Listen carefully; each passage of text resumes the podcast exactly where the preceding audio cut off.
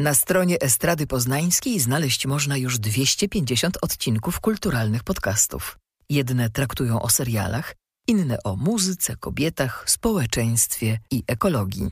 Dziś słucha ich ponad 50 tysięcy osób. Dziękując za zaufanie, zapraszamy do odkrywania kolejnych odcinków podcastów. Nikt nas nie pytał, ale i tak się wypowiemy. Nie spać, słuchać, czy próby muzyki. Znajdziecie je wszędzie, gdzie słuchacie podcastów. Również na estradapoznań.pl. Dobra strona kultury. Słuchasz podcastu Estrady Poznańskiej. Dobrego odsłuchu. Próba muzyki. Zaprasza Kaja Jeryk.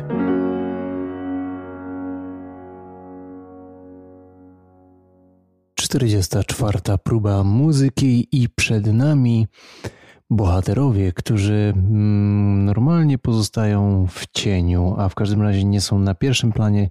Dzisiaj e, dla nas, na potrzeby naszego podcastu, wysuniemy ich na czoło, na pierwszy plan, bo zdecydowanie na to zasługują. No i zaczniemy od tego y, starszego, tego wielkiego kompozytora, wielkiego producenta, y, wielkiego aranżera, bo chyba właśnie te trzy y, fuchy to są jego najważniejsze fuchy, czyli Quincy'ego Jonesa.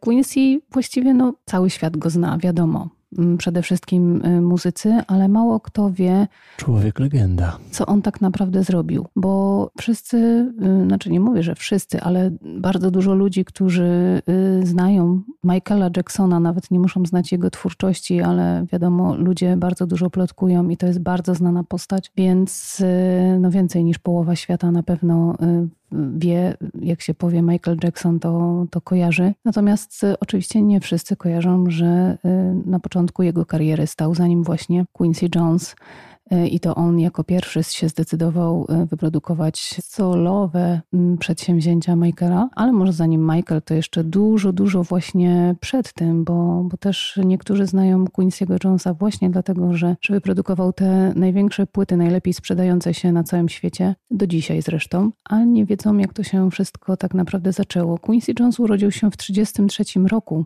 Czyli jeszcze w czasach, kiedy ludność ciemnoskóra w Stanach Zjednoczonych była traktowana jak była traktowana i właściwie nie miał perspektyw, y, będąc dzieckiem, bo jak miał 7 lat, to y, zabrano jego matkę mm, do szpitala psychiatrycznego ze stwierdzoną chyba schizofrenią. E, został y, z rodzeństwem i z ojcem, który był pracocholikiem, więc tak naprawdę wychowywał się na ulicy. I sam, jak sam mówił, że do 11 roku życia on marzył o tym, żeby być gangsterem. Po prostu chodził po tej ulicy z, z nożem. Był w gangu, uciekał przed gangami yy, i właściwie to było jedyne życie, jakie widział dla siebie, jedyna przyszłość. A tak naprawdę muzyka pojawiła się wtedy, kiedy z tym swoim gangiem włamał się do jakiegoś budynku, już nie pamiętam nawet jakiego, i tam stało pianino. I on zaczął sobie brzdąkać na tym pianinie, i od tamtego momentu już wiedział, że to jest to, co chce robić w życiu. Zaczął się uczyć grać na różnych instrumentach dętych, różnie strojonych, bo oczywiście fascynowało go to, co się dzieje w ciemnoskórej społeczności, jeżeli chodzi o jazz. I pozostał przy trąbce. Trąbka była jego największym marzeniem, i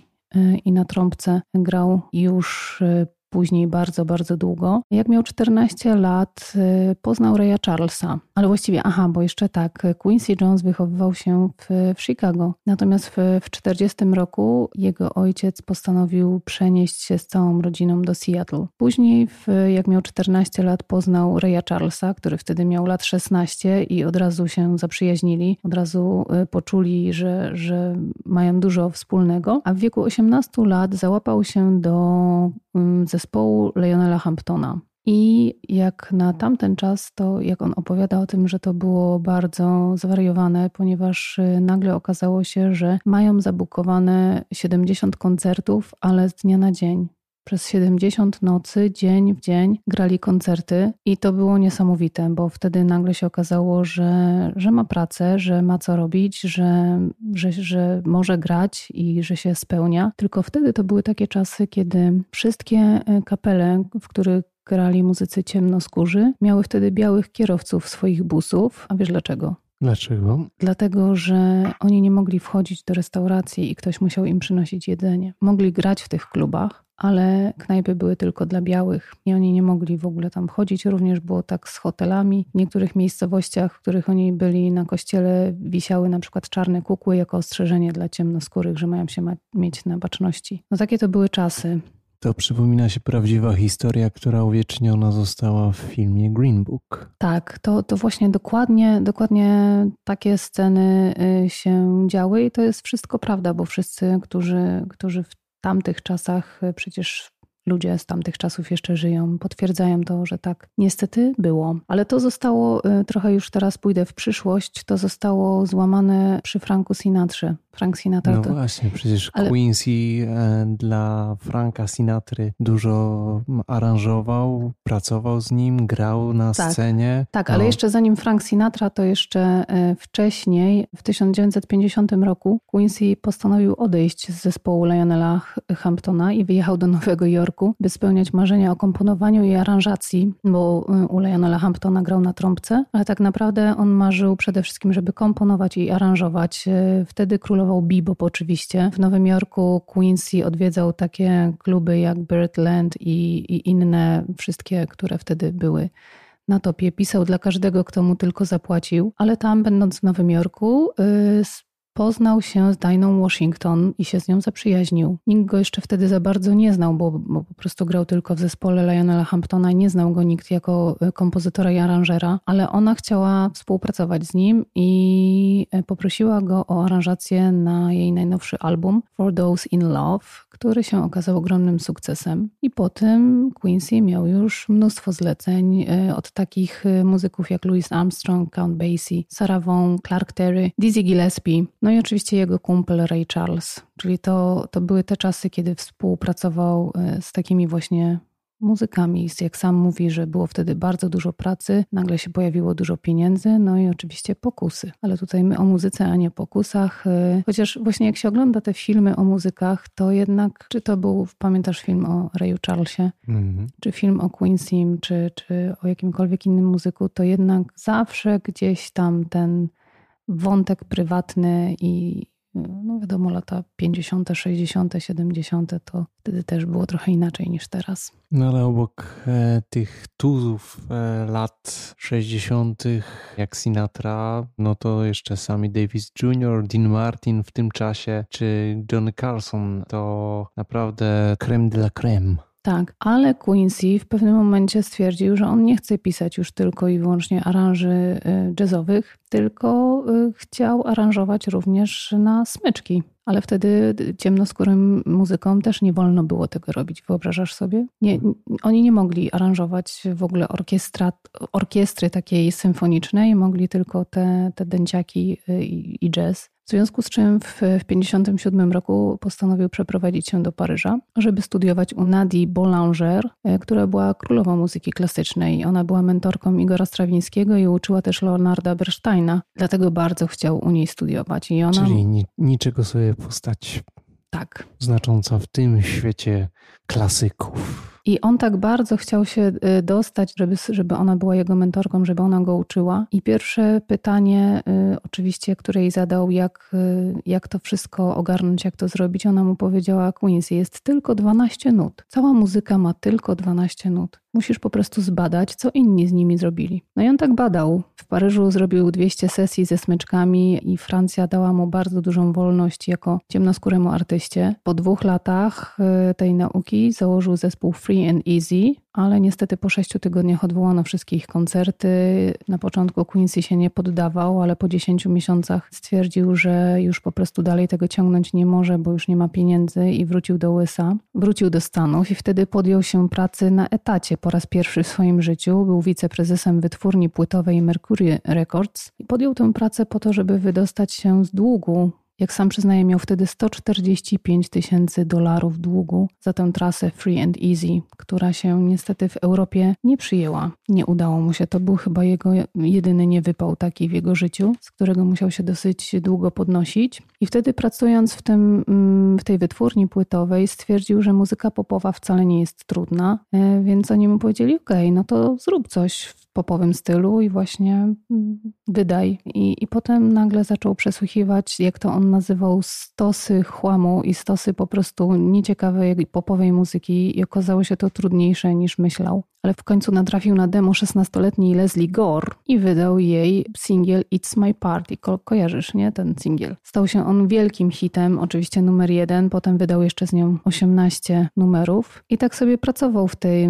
Mercury Records, aż któregoś dnia... No i tutaj to takie pełnowymiarowe początki tej producenckiej kariery Quincy'ego. Tak. Tak, i y, któregoś dnia tak siedział sobie w swoim biurze i zadzwonił telefon, i to był Frank Sinatra. Frank Sinatra wtedy trochę ryzykował, ale podobało mu się to, co Quincy robił z Countem Basie i chciał, aby zaaranżował jego kolejny album zatytułowany It Might As Well Be Swing. I to był w końcu główny punkt zwrotny w karierze Quincy'ego Jonesa. E, no i Quincy, e, z tego co pamiętam, e, z Frankiem działał aż do jego śmierci do 1998 roku. Quincy Jones i Frank Sinatra tak się zaprzyjaźnili, że słuchaj, okazuje się, że oni w ogóle nigdy w życiu nie podpisali żadnego kon kontraktu takiego na papierze. Oni wszystko mieli na uścisk dłoni, tak bardzo sobie ufali. A na to tak sumie... zwaną gębę. Tak, ale to w sumie to zaufanie też było zbudowane na tym, że e, Frank, jak go poznał, to najpierw go przetestował. E, Quincy zrobił dla niego aranże. Jak mu je pokazał, to Frank mu powiedział, że słuchaj, ta instrumentacja jest za gęsta w pierwszych ośmiu taktach. I Frank się spodziewał, że oczywiście to będzie tak, że nie wiem, że będzie musiał poczekać tydzień, aż to zostanie zmienione i w ogóle. Natomiast Quincy po prostu odpowiedział: OK, nie ma problemu, cofnął się trzy kroki kilka minut pozmieniał aranżację i się okazało, że o to Frankowi chodziło i on to zrobił na miejscu po prostu. On to po prostu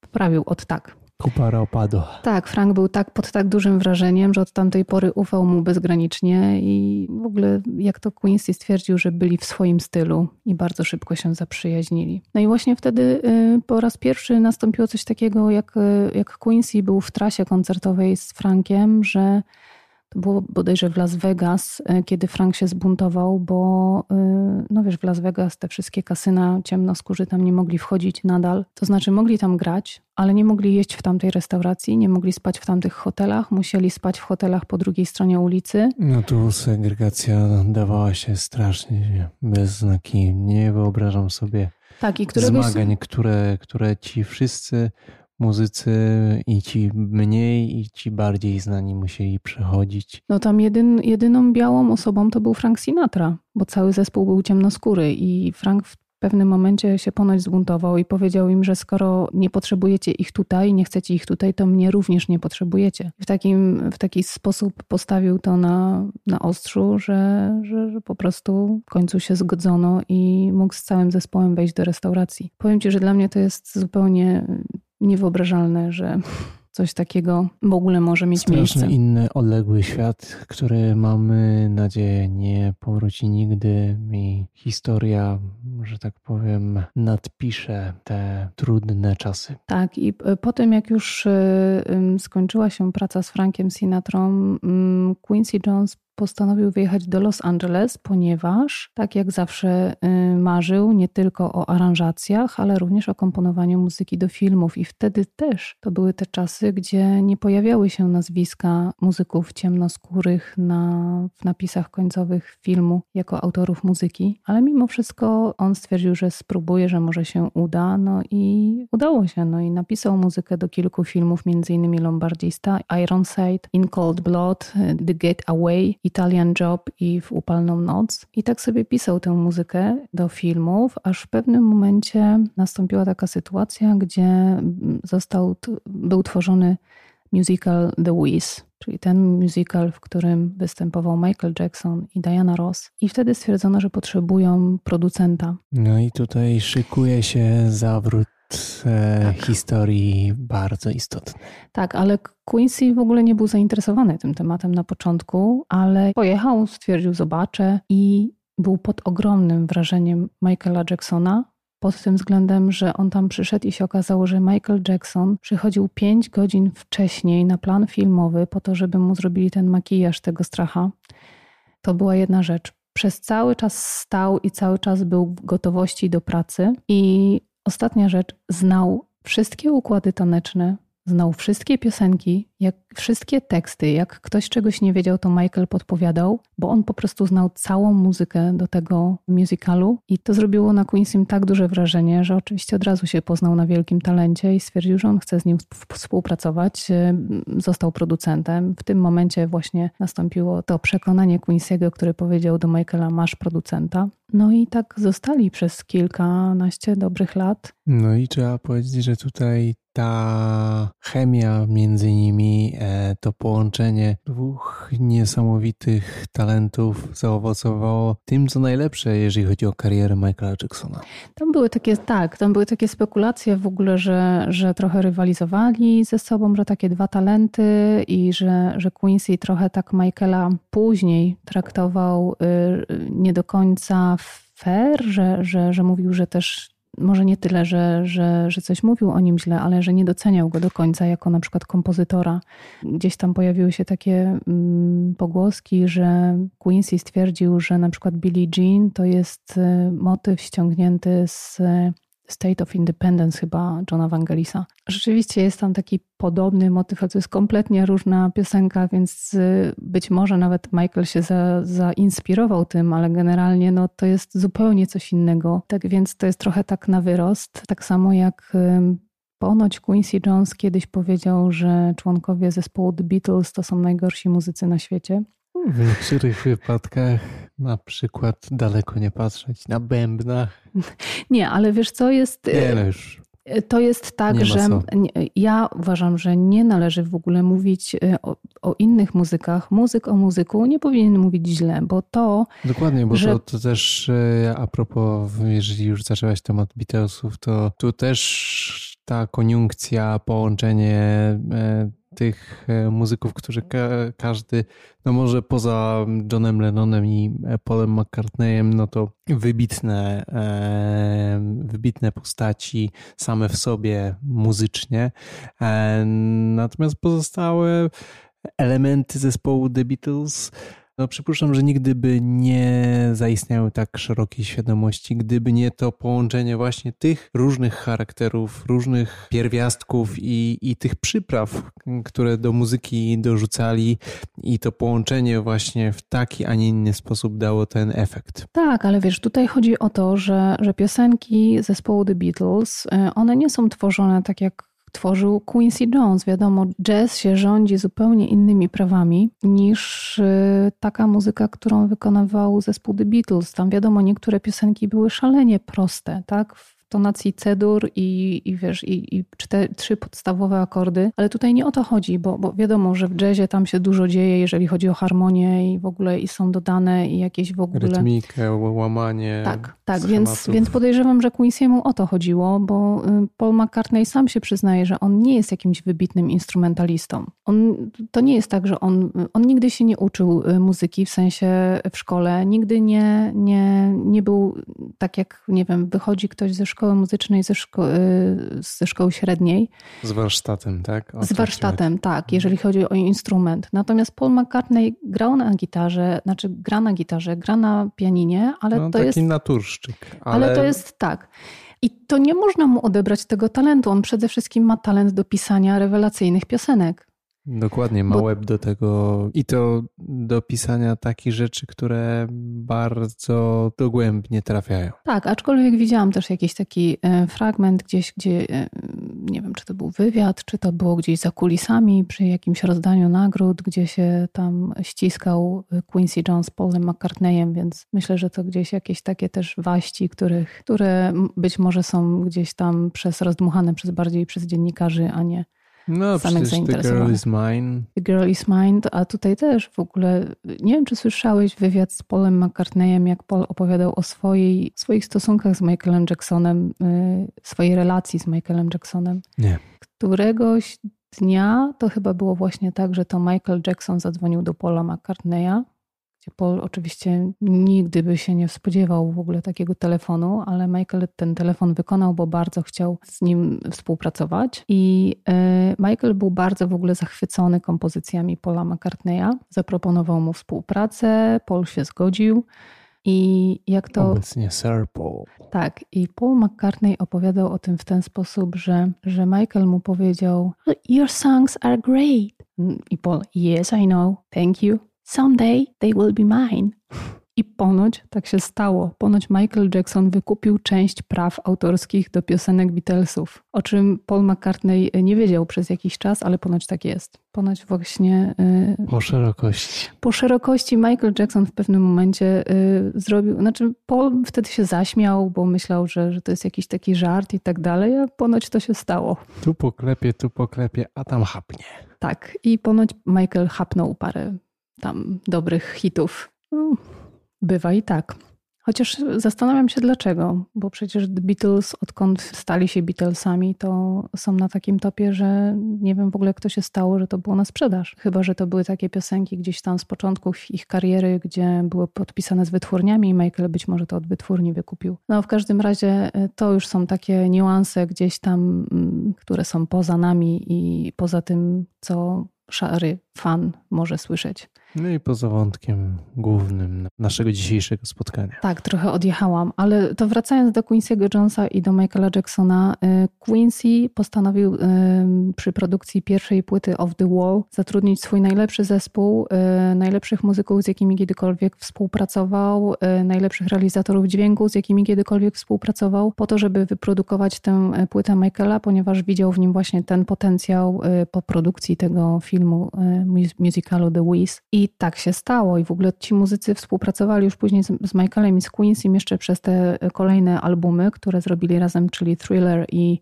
i Bad. I też, jak się okazuje, do albumu Thriller była propozycja 600 piosenek. Ja się nie dziwię, że ten album ma właściwie wszystkie piosenki z tego albumu osiągnęły numer jeden na listach przebojów w jakimś tam czasie, jak były wydawane, skoro one zostały wybrane. Ostra selekcja. Skoro one zostały te piosenki wybrane z 600 innych piosenek. No, z takiego bogatego katalogu, no to wyraźnie było z czego przebierać i tak. absolutnie wyłuskane te najlepsze. No tak, bo po sukcesie, e, po sukcesie of the Wall e, Quincy właśnie postanowił zatrudnić również e, najlepszych kompozytorów piosenek, bo nie wszystkie piosenki, które tam są, napisał Michael. No Billie Jean napisał Michael, ale, ale też nie wszystkie piosenki Michaela są po prostu jego.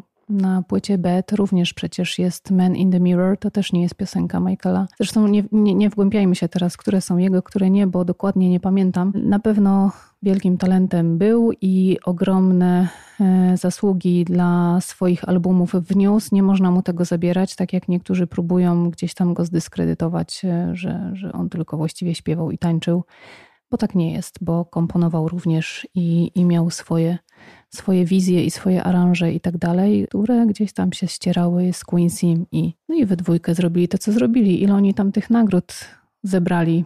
A za thriller wiadomo. Nie sposób zliczyć. Nie sposób zliczyć. Quincy chyba był w ogóle nominowany 70 razy do różnych nagród. Jak nie więcej. Jak nie więcej. Zdobył też nie wiem ile. Nieważne to jest w każdym razie jako producent, jako przede wszystkim te, te nagrody, które dostał, to przede wszystkim jako producent, ale też. No i też bardzo utalentowany realizator dźwięku, tak de facto. No ale to, to łączy się. Dla mnie Quincy jest w ogóle takim jednym z pierwszych z takiego prawdziwego zdarzenia producentów pełną gębą, jak to e, za oceanem w Stanach e, ma miejsce, gdzie tu jest człowiek, e, który zarówno jest mistrzem, jeżeli chodzi o realizację dźwięku, mistrzem, jeżeli chodzi o kompozycję, o mm, kreatywność, pomysły, jak z czegoś, co jest dobre, nawet świetne, zrobić absolutne złoto. Dokładnie. E, w ogóle, jeżeli chcielibyście, jeżeli nie oglądaliście jeszcze, to polecam film e, Quincy, pomimo tego, że tak jak mówiłam wcześniej już, wydawało mi się, że, że w momencie, kiedy powstaje film o takiej legendzie, to dowiem się bardzo dużo, jeżeli chodzi o jego życie zawodowe przede wszystkim, bo to mnie najbardziej interesuje. Natomiast film się zaczyna od takich bardzo wątków prywatnych, które gdzieś tam się później jeszcze cały czas do końca przeplatają. Tak więc no, dla tych, którzy są zainteresowani takimi rzeczami, no to, to jak najbardziej. Dla tych, co nie, to sobie można przesuwać. Chociaż czasami ten background też jest y, ważny, szczególnie w przypadku y, takich przejść, które miał Quincy Jones, bo ja ci powiem, że w pewnym momencie też tak sobie myślałam, że jak słyszałam te teksty, że się nie docenia Michaela Jacksona, że jakieś takie opinie Quincy wydawał o właśnie o Beatlesach i tak dalej, to sobie pomyślałam, a może on był takim po prostu gburem. Ale w momencie, kiedy widzisz to, jak wyglądało dzieciństwo tego człowieka i całe życie, które wcale nie było tak usłane różami i takie proste i łatwe, no to jednak mimo wszystko ogromny, ogromny szacunek i dla ogromnego talentu i ogromnej pracowitości. I to jest właśnie to chyba, co bardzo połączyło Quincy'ego Jonesa i Michaela Jacksona. Oni obydwoje byli pracocholikami i obydwoje wiedzieli, czego chcą. Jeszcze jest fajna historia ich wspólnego projektu, którym jest We Are the World. Mm, to też y, projekt, który Michael Jackson zrobił z Quincy. Quincy zrobił tam wszystkie aranże. Nie wiem, czy słyszałeś o tym, jak to w ogóle wyglądało, nagranie tej piosenki. To się wszystko wydarzyło tak, że Quincy i Michael byli już przygotowani dużo wcześniej. Wysłali taki materiał demo do różnych muzyków. Oczywiście tam e, było tak, że też Quincy był pytany, bo to on decydował o tym, kto śpiewa solo i tak dalej. Czy trudno było wybrać? A Quincy mówi, no trudno było, bo niektórzy focha strzelali, że, że, że na przykład się nie załapali na solo i tak dalej, no ale tutaj trzeba być w takiej sytuacji twardym. I to zostało y, rzeczywiście tak, jak się ogląda ten teledysk y, z tego 80 chyba czwartego roku to było. Jak się ogląda ten teledysk, to widać, że jest to nagrywane w jakimś tam studiu, że oni śpiewają i tak dalej. I tak rzeczywiście było. Oni rzeczywiście wszyscy się zebrali w tym studiu po jakimś tam e, rozdaniu nagród Grammy. Wszyscy od razu po tym rozdaniu Grammy, zamiast iść na bankiet, ponoć przyjechali do tego studia po to, żeby nagrać tę piosenkę.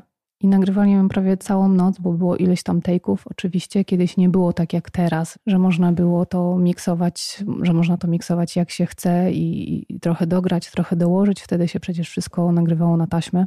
Więc tak naprawdę trzeba było wybrać ten take, który od A do Z był właśnie najlepszy. I tak się stało. Tak się stało. Oni tam wszyscy y, no, mega zmęczeni po tym rozdaniu nagród i po tym nagrywaniu dopiero potem poszli balować. Na te czasy to też taki papierek lakmusowy talentu, bo właśnie nie można było za dużo. Było, bo oczywiście kombinowane, ale e, właśnie chociażby poprzez to, że taśmy miały swoją ograniczoną długość i możliwości, jednak przygotowanie mam wrażenie do, do nagrywania i e, taka wnikliwość e, i gotowość do zapisywania dźwięków i ich uwiecznianie było dużo prawdziwsze i bardziej przemyślane. No tak, no to znaczy to wiadomo, że to nagrywali na ślady, na taśmę, ale na, na ślady, tylko że y, wtedy się, jeszcze wtedy się nagrywało takie rzeczy na setkę, nie? No bo wiadomo, że te rzeczy z lat 50., 60., które były, które są wydane, te piosenki, one są wszystkie nagrywane na setkę.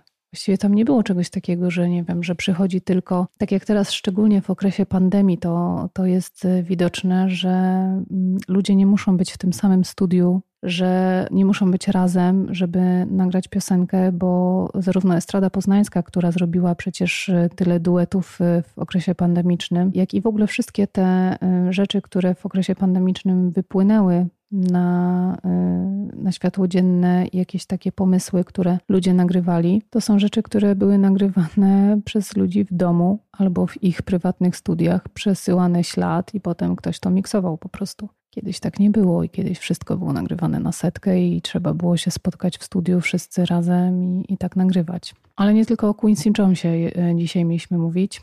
Ale nie sposób jeszcze nie wspomnieć o takich osobistościach, które przejawiały się obok e, Quincy'ego Jonesa, jak Al Jarreau czy Take Six, e, z którym Quincy również bardzo wydatnie współpracował z ekipą Take Six.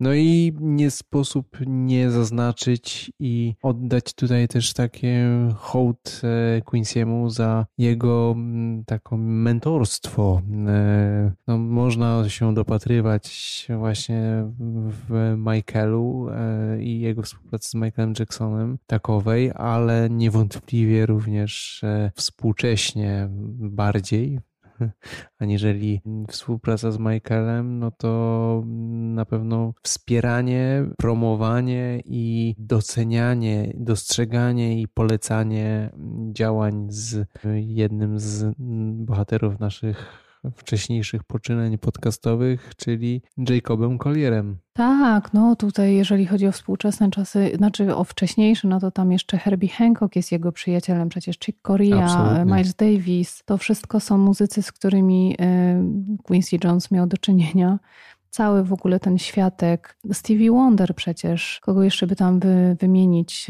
Will Smith, DJ Jazzy Jeff, e, to też, też Pharrell jest... Williams. Pharrell Williams, John Legend, to też są ludzie, którymi, którzy gdzieś tam mieli styczność. Przewinęli się przez... Tak, przez, przez jego... Współpracę i dźwięki. Czyli po prostu podsumowując, Quincy Jones jest e, nie tylko wybitnym aranżerem, nie tylko doskonałym kompozytorem i producentem, ale przede wszystkim ma dobrego nosa do wyszukiwania talentów. Bez dwóch zdań. No i właściwie y, dzisiaj jeszcze mieliśmy mówić o jeszcze jednym właśnie takim wyjadaczu, pomimo y, dużo młodszego wieku. Wielki umysł, wielki talent, a pozostający, tak jak, tak jak wspominałaś, w cieniu, a w każdym razie nie będący to tak na piedestale i w świetle reflektorów, co niekoniecznie jest e, złe i niekoniecznie nie jest świadomym wyborem. Tak, ale on też, o nim już kiedyś mówiliśmy, w, w, zdaje się przy okazji um,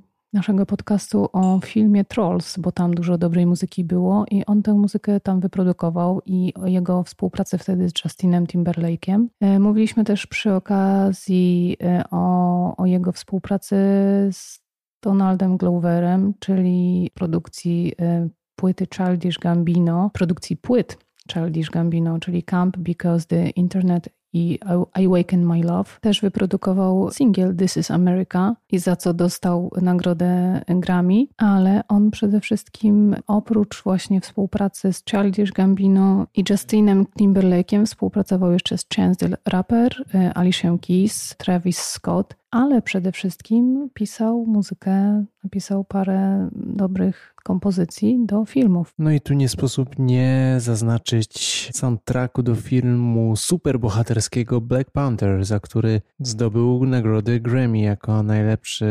soundtrack oryginalny do filmu tu Akademia Oscarów zdecydowanie dostrzegła wielki e, talent. No i też e, oprócz e, Grammy tam Złote Globy mm, również, również się posypały. No tutaj pomimo, że nie będący, tak jak wspominaliśmy, na pierwszym planie dostrzeżony, a ja absolutnie słusznie, bo to również wielki człowiek olbrzymiego talentu. I jeszcze przypominamy ciekawostkę, bo o tym już też mówiliśmy.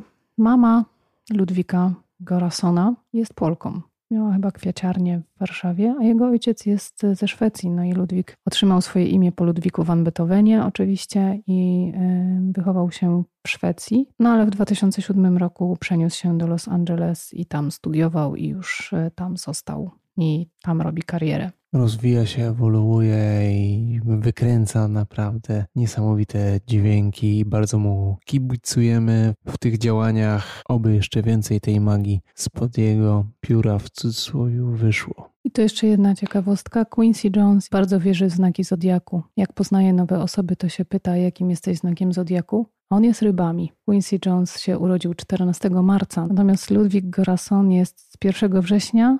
To jest y, lew, Panna? Chyba panna.